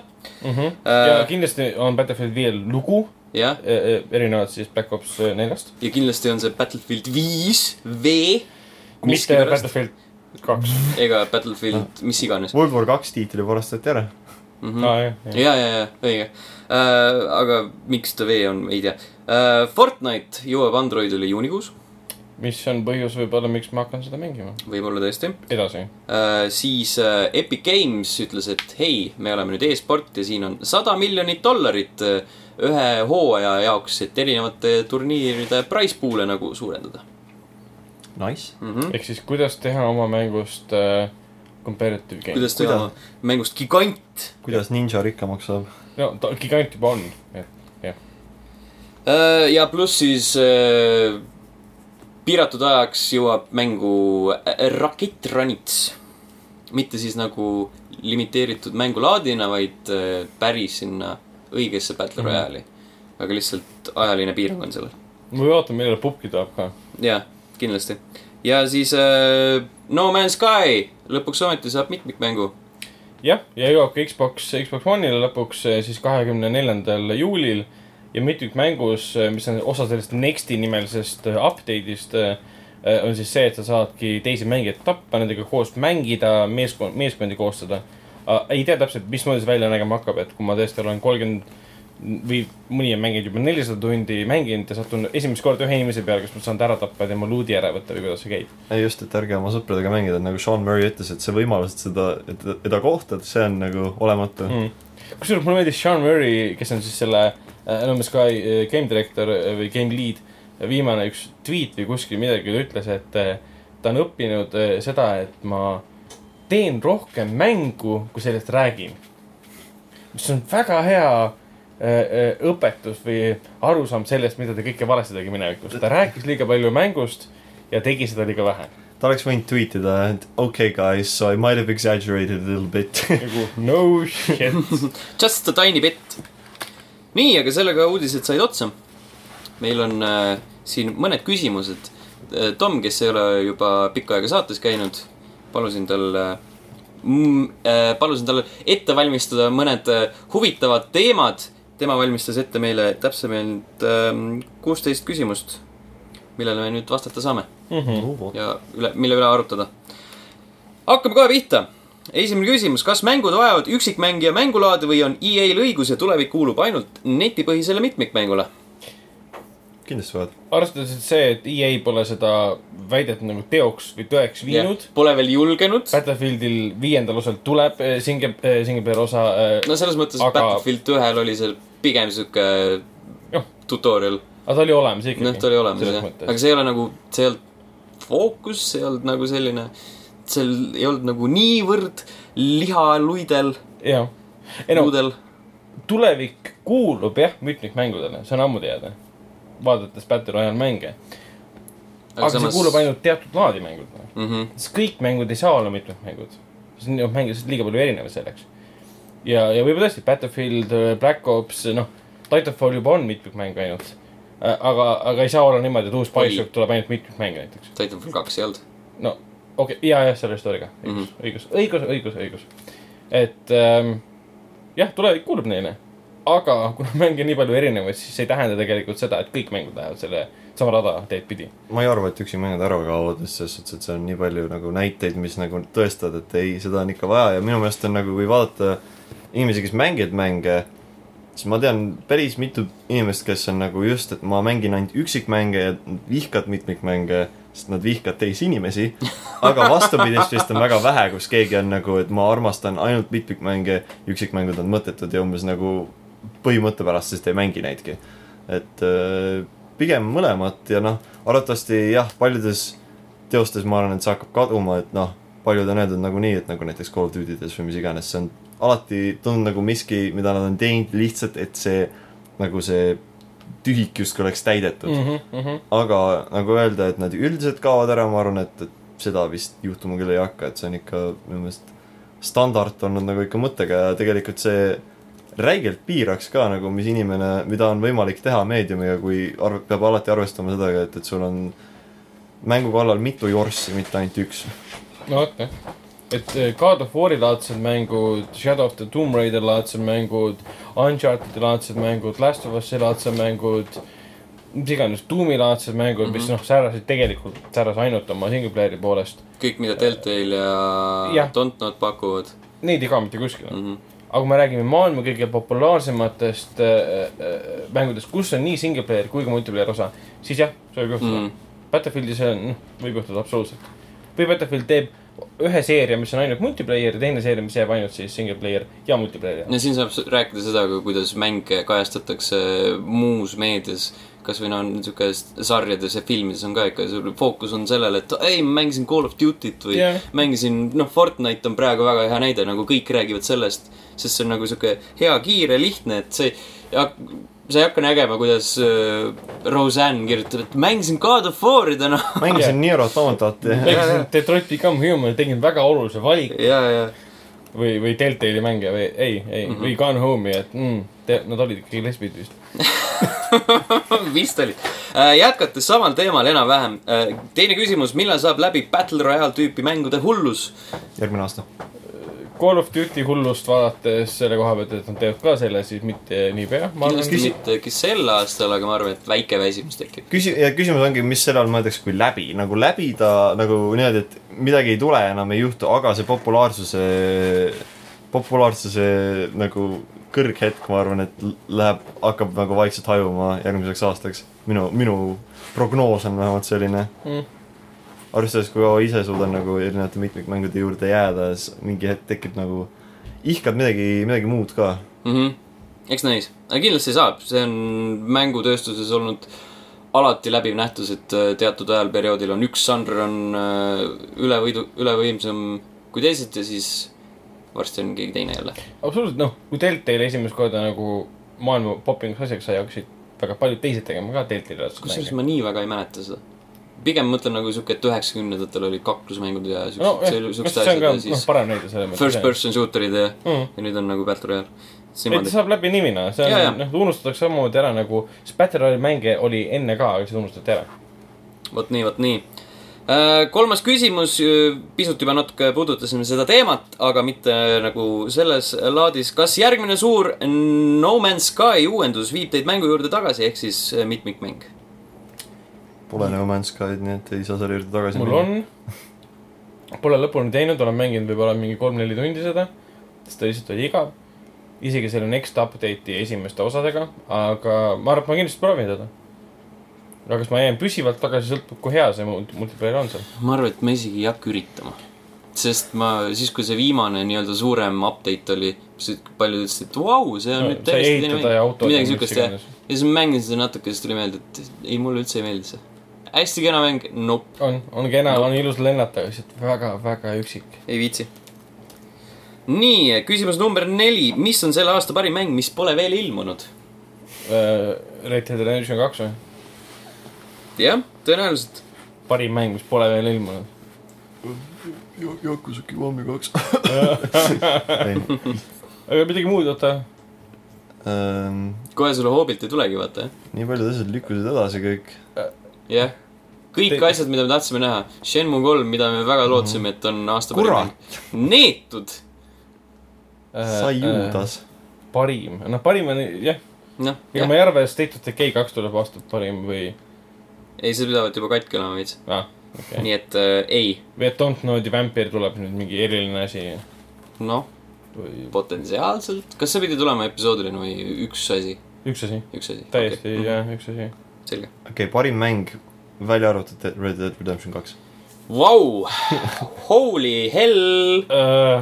oota, mälu, oma top viit. tööta minu. kasuks ei mäleta absoluutselt. mis on, mis olid minu selle aasta oodatumad mängud? Need on kõik välja tulnud juba. mul juba jah, Yakuza kuus oli minu tipp, nii et see tuli juba välja mm. -hmm. Bloodstainedist No pole mitte midagi kuulda uh,. ei vaadake kohe. Ei, see midagi nende kohta ei ole räägitud.. Ragnaril oli neid lausa kümme. Fist of the North Star ei tule väljagi mis sul oli see seal? aasta. oota, ma vaatan kõigepealt enda omad. kas ma leian midagi head siit? see on juba väljas, see on juba väljas, see on juba väljas. ja siis kaks siukest väiksemat asja, mis kindlasti ei ole niivõrd suureskaalelised. noh, Ragnaril on meil siin Metro Exodus, kindlasti ei tule. Way Out on väljas juba. jah, Detroit Become Human on väljas juba, Red Dead Redemption kaks juba. Biomutant ei tule, ei, jah, jah. Anthem. Probably ei tule vist, see vist lükati edasi ka. minu arust. Frostpunk on väljas. Ashen, aga see on tulemas, see võib olla tõesti aasta parim, aga ma kahtlen sügavalt selles tegelikult. Vampire, God of War väljas ja Ojudas. äh,, igast muud Äh, jura. mis asi on Narita boy? see ei ole veel väljas. Naruto boy. no selge mõtled, et Cyberpunk kaks tuhat seitsekümmend seitse, mis niikuinii see aasta ei tulegi. mm. -hmm. tuleb aasta kaks tuhat seitsekümmend seitse. ma arvasin, et Last of Us kaks on aasta- selle aasta parim mäng, sest E3-l tuleb Sony poolt ilge suur üllatus, et see mäng tuleb see aasta välja. Eh, nagu surprise, see mäng on oleks- väljas, saad homme osta. isegi kui ma, isegi kui nad teeks seda, siis ma oleks nagu okei okay., cool, cool ära ütle nii. äh,. rääkides E3-st, küsimus number viis, kas olete juba E3-s ette pettunud, mida ootate üleüldse selle aastaselt messilt? ma arvan, et nagu need ootused ja värgid, need lükkuvad kuskile järgmistesse saadetesse, aga Mm. mm., aga ette pettunud, jah. arvestades kõiki eelmisi, no mitte kõiki, aga ütleme kahte eelnevat aastat, siis jah. mm. -hmm. arvest-, jah, seda, arvestades seda langust, mida E3 on tundnud viimaste aastate jooksul, tema tähtsuse kadumist, siis jah. parem on alati minna nagu vaatama seda ikka madalate ootustega, sest siis kui ta on Pluss- Plus... halb, siis see ei üllata Jah. sind, aga kui ta on hea, meeldib üllatus. jah, Mhm. pluss sest seda. ma noh, sügavalt kahtlen, et me näeme seal mingeid väga erilisi uudseid, ägedaid uusi IP-sid nii-öelda. Hmm. et me näeme ikka järgisid, järgisid, järgisid, HD remaster'id ja nii edasi. Et noh, see E3 saab olla ainult siis hea, kui kuulutatakse jälle välja, välja midagi väga uut ja lahedat. mis Jah. pole nagu vana koopia või vana järg või uus nägemus. või kui see, kui sa ei ole nagu Sony, kes äh, pumpab välja ainult täpselt samu vanu asju, no,. mida nad on juba kolm, E3-e tagasi välja kuulutanud. ma olen, ma olen ette pettunud siis, kui uut Splinter Celli välja ei kuulutata. okei, okei. nii. Küsimus number kuus, kas mängude ülevaated rikuvad ehk siis spoil ivad liialt mänge? ülevaated nagu arvustused või, või. oleneb, kuidas on kirjutatud. mina näiteks olen alati ilgelt delikaatne sellega, sest ma tean, kui oluline see nagu, kui oluline lugu ja narratiiv on, et nagu seda mängu nautida. siis alati Mhm. vaatan, et ikka ei, ei, ei paljasta midagi. jah, see pole nagu ülevaate eesmärk, ma olen nagu hästi, hästi palju mõelnud, et kuidas sa saad äh, ülevaateks kutsuda asja, mille eesmärk on pigem nagu sisu ümberjutustus. Overview. see on, see on, ma ei tea nagu see Jah,, jah. mis asi see on. see on, Et, ma ei tea, ei viitsi mängida, ütle, mis see oli. kuigi see on nagu, et miks, kui sul on huvi nagu juba teada, mis see on, siis äkki tegele sellega ise. mm. -hmm. Küsimus number seitse, millal läheb EA pankrotti? mitte Kunagi. kunagi, on seda ma ei usu, et see juhtub kunagi. kõik vihkavad neid, aga nad teenivad ropult raha nagu Mm. ütleme, need inimesed vihkavad neid ja siis annavad neile raha ka kätte, nii et ja arvestades, et nad praegu on nüüd osa ju, nad on osa Blizzardist ka ju. Activision see on- Blizzard. ei, ei, ei, ei, Ah, EA, EA, EA. EA. ja, ja, huvitav, küsiti EA kohta, automaatselt läks mõte Activisioni peale nagu huvitav, miks? ei tea, ära Aa. ei, ei tundu eriti nagu, kahte kurjust omavahel segi jah ei, ta ei lähe. selles mõttes, niikaua kui Battlefield eksisteerib, ta ei lähe. Äh, mis oli teie viimane eeltellitud mäng, kui väga pettusite? Yakuza kuus, mitte üldsegi. tellisin mingi eelmine aasta enne seda selle kollektsionääride versiooni ära, nii et mul oli ja ilmselt. ma, ma, ma kar-, ma, ma nagu panin lati madalale, siis mõtlesin, kuna see tuleb viskiklaasidega, et ma saan nagu Eestis, Eestis endale mingi klaasipuru kätte. aga nad olid ühes tükis, nad olid väga hästi selle kokku pakkinud, et nagu ikka teavad, et okei okay,, see äkki läheb ikka mingile suurele rännakule. ja ta jõudis isegi päev enne seda, kui ta Amazonis välja lasti Eestisse, mis on Mm. mm. nagu, nad vist sidusid selle mingi raketi külge, et nad siia saatsid selle nagu. nii et äh, just vastupidine kogemus õnneks. Okei okay., mina tellisin Life is Strange'i Before the Stormi kogu hooaja endale ette ära. noh, sest, jah, äh, sest ma teadsin juba, et ma tahan seda nii ja naa mängida, et milleks oodata. okay., ja ma ei pettunud üldse, nii et. peaks viimased asjad ära mängima. ma, nojah, seda küll, aga ma arvan, et nagu sihuke pimesi ette tellimine oli äh, üks mingi, mis ta on, indie-platvormer, pusleplatvormer Metrico, siis kui ta Xbox One'i peale ilmus aastal kaks tuhat kuusteist millalgi. miskipärast ta tundus huvitav Hmm. aga see ei olnud nagu väga kallis, aga, aga see oli suhteliselt jura. pärast selgus, seega pettusin. või tegelikult Frostbanki ma te- ostsin ka ette ära. no nii, hakkab tulema ei ostnud, selle ma sain tasuta. Never mind. ai, ai, ai. selge. küsimus number üheksa. kas tänapäeva pehmode ühiskonnas peaks rääkima probleemist, et Conan Exiles lubab mängijal orjasid pidada? jah, ma nägin neid uudiseid ka, kus räägiti, et eh, see on nagu probleem, miks ei saa seda teha ja nii edasi. aga miks see probleem on too? miks see nagu, miks see fiktsionaalses Arvast- universumis keda koti. arvestage natukenegi Conani nagu konteksti, see on eks raamatud ja neid filme, mis nii-öelda fiktiivses alternatiivses minevikus see lugu nagu aset leidis, kus oligi orjad ja nii edasi. ja see mäng nagu esindab seda fa- fiktsiooni, mida mm. -hmm. autor lõi, et siis ma ei näe probleemi. samamoodi, kui ma äh, teen videomängu, mis leiab aset äh, noh, orjanduse nagu hiilgeajal, kas ma pean siis välja võtma selles, et jaa, kas see on va vastus, kõik vastus peavad olema minevikule? modernsete standardite järgi, eks noh ole, et vastus minevikul on see, et ma kustutan mineviku ära või eitan selle olemasolu. jah Jah., täpselt, täpselt nii. täpselt nii, palun, palun teha seda. ei, aga kui, kui me nüüd meenutame, et Conan ise lükkas kuradi aastaid ühte suurt, suurt ratast lihtsalt ringi jah, ja kasvatas sellega väga suured musklid endale, siis eh, ei saa sellest üle ega ümber, sest see oli ka orjandus. nüüd ta on Team Kokos.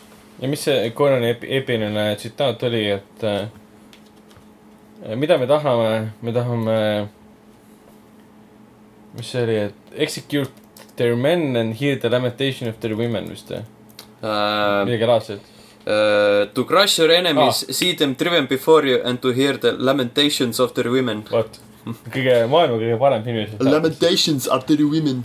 et, et ei, ma arvan, et äh, vaata, pe- pehmod äh, võivad mängida mingeid teisi mänge jah, mängige Kirbit.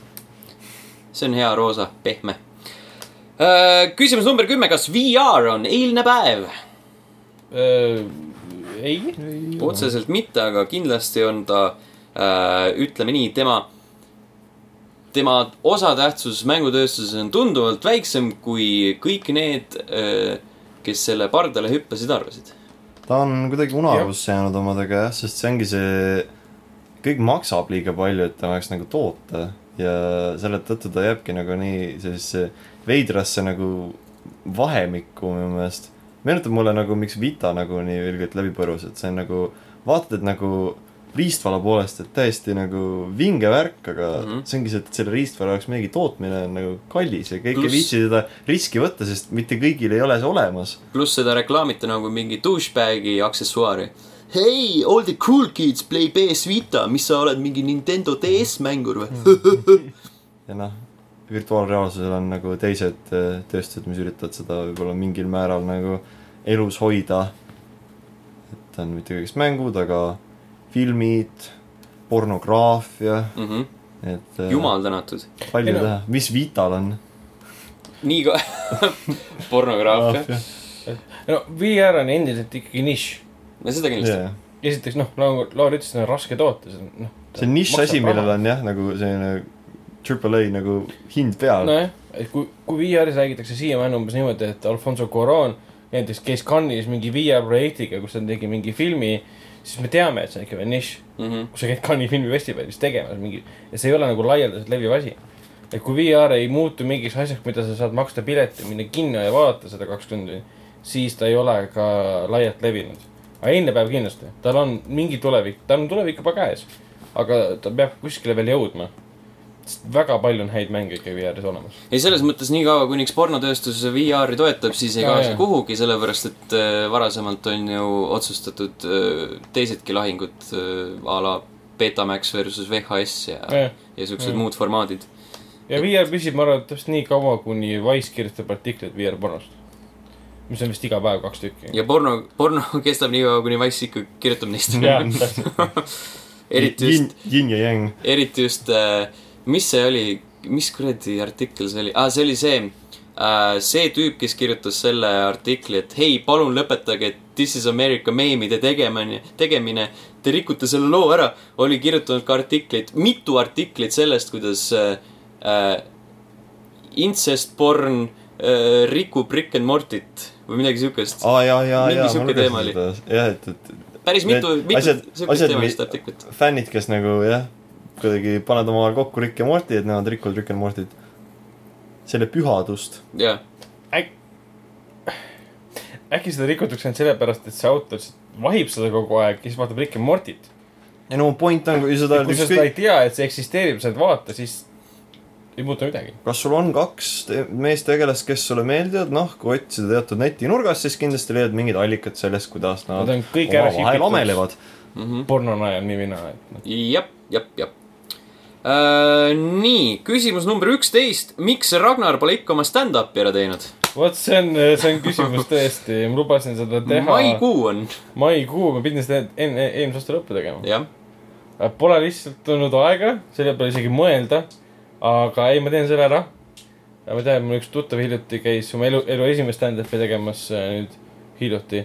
Et ma võib-olla küsin tema käest nõu ka, kuidas tal läks. jah, mõni, mõningad näpunäited. tasuks kindlasti. ei ma Ära- teen ta, teen ta ära. ära värise, ära lase end täis. jaa, Ole enesekindel. viimane kõige tähtsam. aga ei, ma arvan, et ma lasen Stenile endale naljad kirjutada. ja siis äh, Margusel, Lauril, Andril proofread ida. ja siis Stenile esitada ka. ei, ei, okei, ei, ei, ma teen selle kindlasti ära, et äh, vaatame veel millal, et ma võtan puhkuse puhkuse ajal teen. okei, okei. Küsimus number kaksteist, mis on parim mängude teemaline leht uudisteks, ülevaadeteks, meelelahutuseks või muuks selliseks maailmas, mis on Eestis, kes on halvim Eestis ja miks? hästi äh, palju erinevaid küsimusi ühes küsimuses koos. ma äh, niikaua, kui te mõtlete, siis ma ütlen, et minu jaoks on selline, ka just ideaal, aga sihuke äh, mõnus kooslus erinevatest asjadest on Kotaku. et seal, seal on nagu sihukest tõsisemat kui ka äh, jaburamat sisu. seal on äh, nii videomaterjali, podcast'i materjali mm., äh, klassikalist shitposting ut ja siis siukseid pikemaid, pikemaid artikleid. ei, maailma mõttes ma olen sinuga nõus, sest need, need on nagu vähesed, ütleme, inglisekeelse mängumeedia autoritest, kellest ma nagu lugu pean. Mm -hmm. Nad ei võta end nii tõsiselt. jah, nagu. autoritel ma mõtlen inimesi, kes kirjutavadki teksti netti, mitte ei tee videot ega midagi laadset e,. ja kuna seal mõned autorid on edasi liikunud ja teinud väga lahedaid raamatuid, siis ka need on olnud head mm. -hmm. ja ma olen nõus, nad teevad kõike. ja ei võta ennast ka väga tõsiselt, aga samal ajal teevad ka süva nii-öelda ajakirjandust mängu, videomängude teemal. et need paljastavad lood Punchist ja Ubisoftist, mida nad on kirjutanud, on neil isegi lõppenud väga halvasti tihtipeale ja see on nagu respekt selles mõttes Mm -hmm. Et on- blacklist'i põhimõtteliselt. on nii-öelda mune mune neil on mm. -hmm. jah, ei ma olen nõus sinuga. ja samas ei ole nagu siukest äh, noh, kuidagi, kuidas ma ütlen, ei ole nagu nii palju oma agendat, nagu näiteks Polygonil on. jah, seal on nagu Polygon on eriti jah. nagu viimaste aastatega nii nagu pange pannud sellega, et see on, igal asjal peab mingisugune selline agenda olema küljes, et nagu tahan lihtsalt lugeda et arvustust, mitte nagu sattuda nüüd korraga äh, autori poliitiliste uskumuste keskele. mm. mm -hmm. täpselt. minu arust on kõige, kõige sellisem, sihuke kõige kallutatum asi, mida ma Polygonis viimasel ajal lugesin, see oli vist eelmisel aastal, kui see, kes oli see Owi Kunn vist oli see Gamergate'i nii-öelda süütenööriks jah äh,, siis tema raamatu arvustus oli nagu sihuke noh, jõhker nagu noh, see oli nagu konkreetne sihuke dick-sucking ja brown-nosing kuradi kõik ühte Fuck kokku pandud nagu. ja see oli nagu totaalne selline see, see ei olnud isegi nagu sellest raamatust või selle sisust oli nagu sihuke, et jaa, you showed them nagu see oli nagu suur middle finger kõikidele noh. ja siis nagu what the fuck mees, rahu. Mul oli äh, Yakuza null ja Kiwami said äh, riielda sellepärast, et äh, Kirju andis ühele trans inimesele peksa.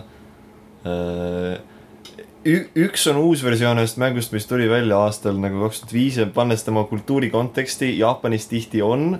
Selline asi, et, et ah, see naine tegelikult on mees, on tihti nagu sellise huumorina nagu umbes kajastatud, aga Polygon oli sellest väga löödud ja lõuad mul on alati irooniline on ka see, et, et nõutakse võrdõiguslikkust, aga et see, et nagu kirju annab nagu tava-, nagu sellistele noh, straight guys getting nagu their face kicked in, see on okei okay,, aga trans inimene peab ära keelama kohe mm.. mm.. et äh, jah, ega nad väljasurev liik ei ole, et, et ma arvan, et nad nii palju kaitsmist ei vaja, et, et just selline white knight imine käis seal hästi paljudes arvustustes ringi. kuidagi jabur. nii, välismaa head ja halvad on selgeks tehtud. nüüd tuleme Eesti juurde.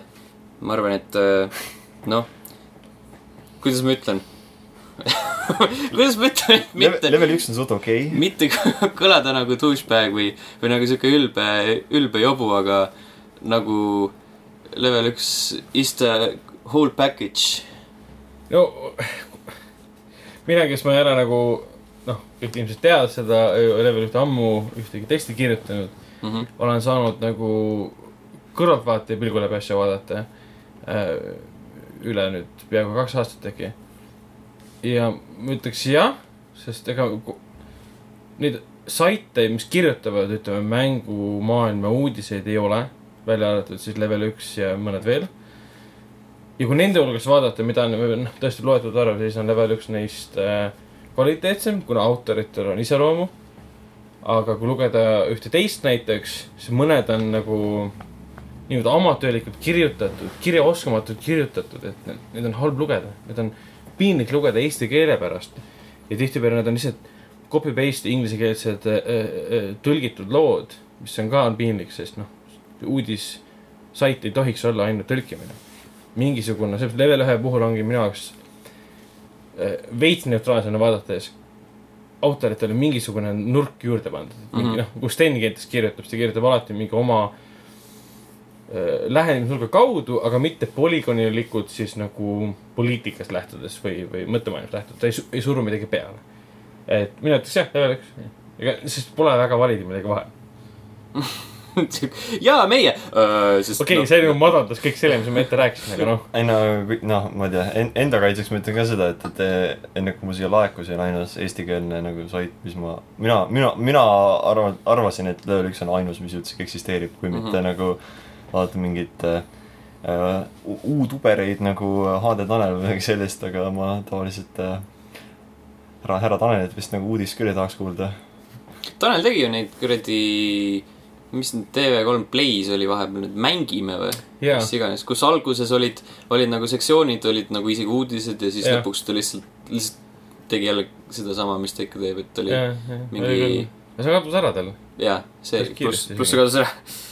et eh, noh, kahju, et tegelikult ära kadus, selles mõttes oleks rikastanud seda nii-öelda eesti, eestikeelset mänguajakirjandust mõnes mõttes mm. -hmm. no ajakirjandus on palju öeldud, mängumeediat pigem. üks asi, mis mind nagu alati peletas eemale sellest, kui ma natuke noorem olin, see, et, et liiga palju nagu kuidagi seoti kokku seda või liiga palju kasutati ingliskeelset terminoloogiat eesti keeles ja see kõlas väga noh, see on ka nüüd selline vastuoluline näide, et mina ütlen nagu, et see kõlas cringe, et noh Ma- muud nagu, no see, ma ei tea, see oli nii kohmakas ja veider, ma nagu ma tahan inglise keeles, ma võin samasti nagu ingliskeelselt kuulda. aga siin me nagu oleme, me nagu ikka konstantselt üritame seda eestikeelset terminoloogiat luua ja sellega nagu järjepidevalt olla.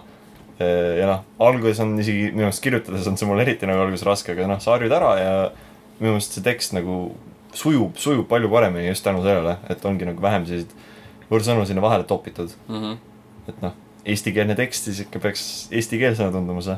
no vahel on nagu siuksed äh, sellised sõnad ja väljendid, kus ei ole nagu mõnusat või üldse ei ole nagu eestikeelset vastet Mm -hmm. siis peab muidugi kasutama neid ingliskeelseid, aga mulle meeldib ka just see, et äh, noh, et äh, kuidas see on, piiksutades iseenda pasunat siis mulle meeldib, et me pöörame just nagu kvaliteedile rohkem tähelepanu ja ja nagu Ragnar ütles ka, et on, on sellised nagu iseloomu pisut rohkem.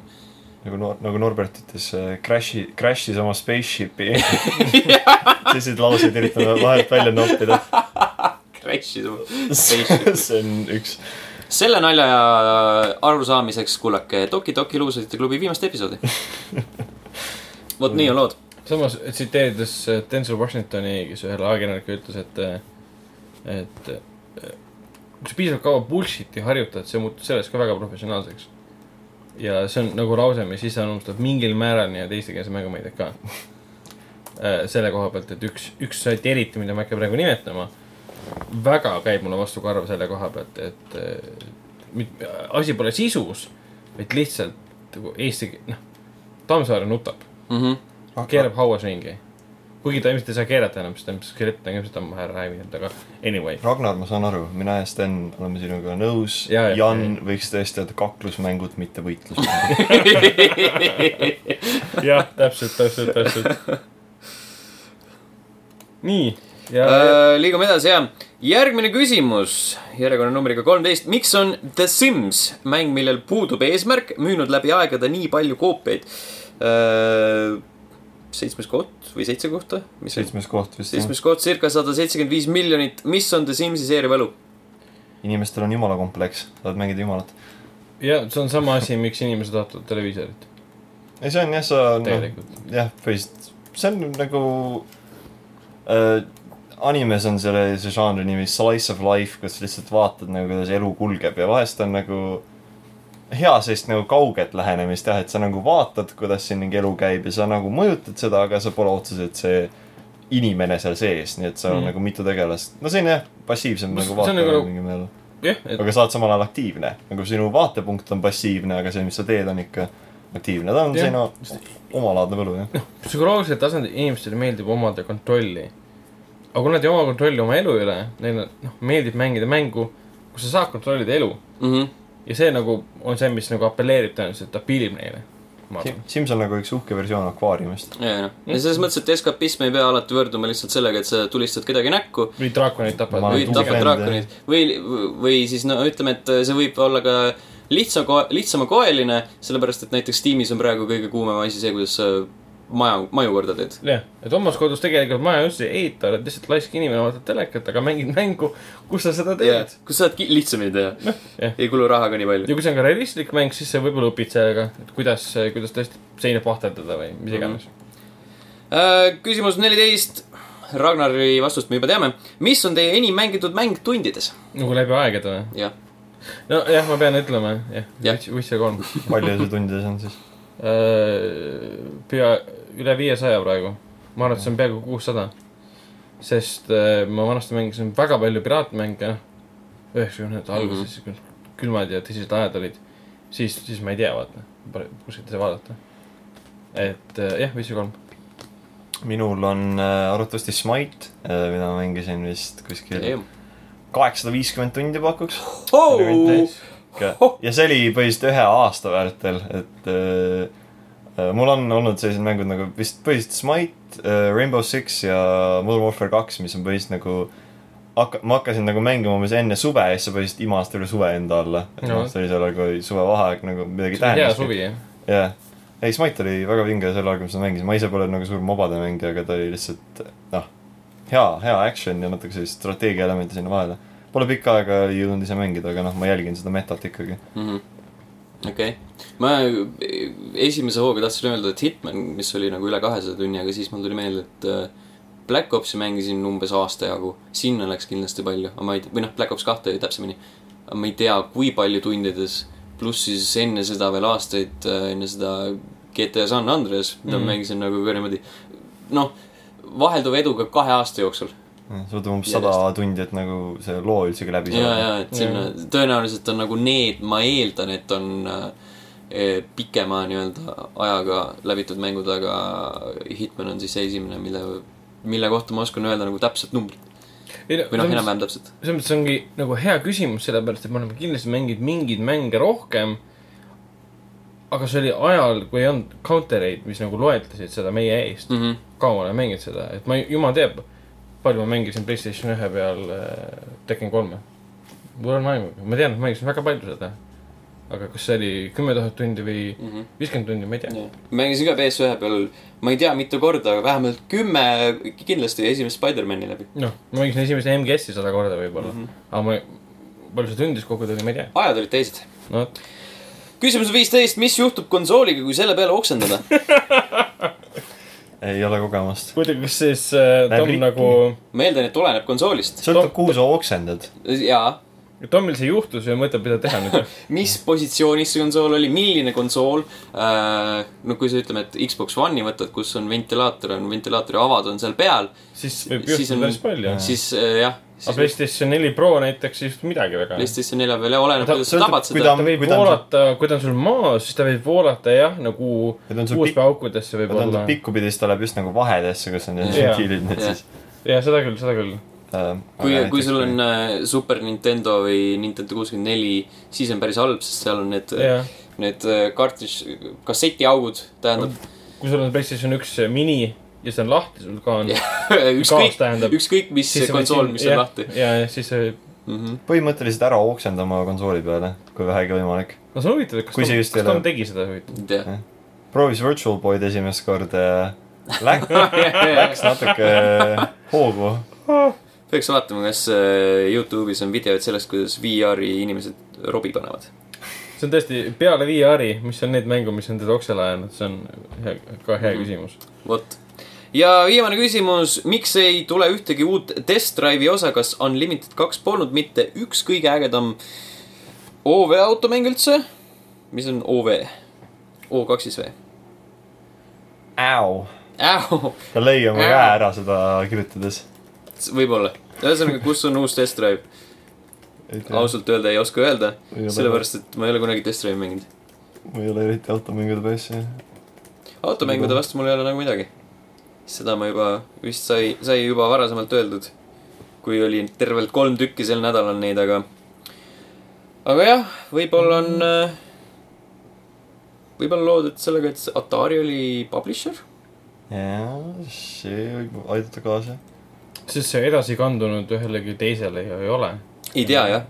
igatahes noh, Atari ju siis vahetas vahepeal omanikke, oli See nagu lihtsalt brändina müügis.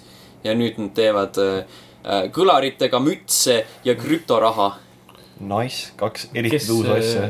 jah, kes krüptoraha ei teeks pigem. mm. -hmm. okei, ei. ma, ma panen omale kõlaritega mütsi, mis äh, kõlaritest laseb nagu seda krüptoraha kurssi mulle aina kõrva iga, iga paari sekundi tagant.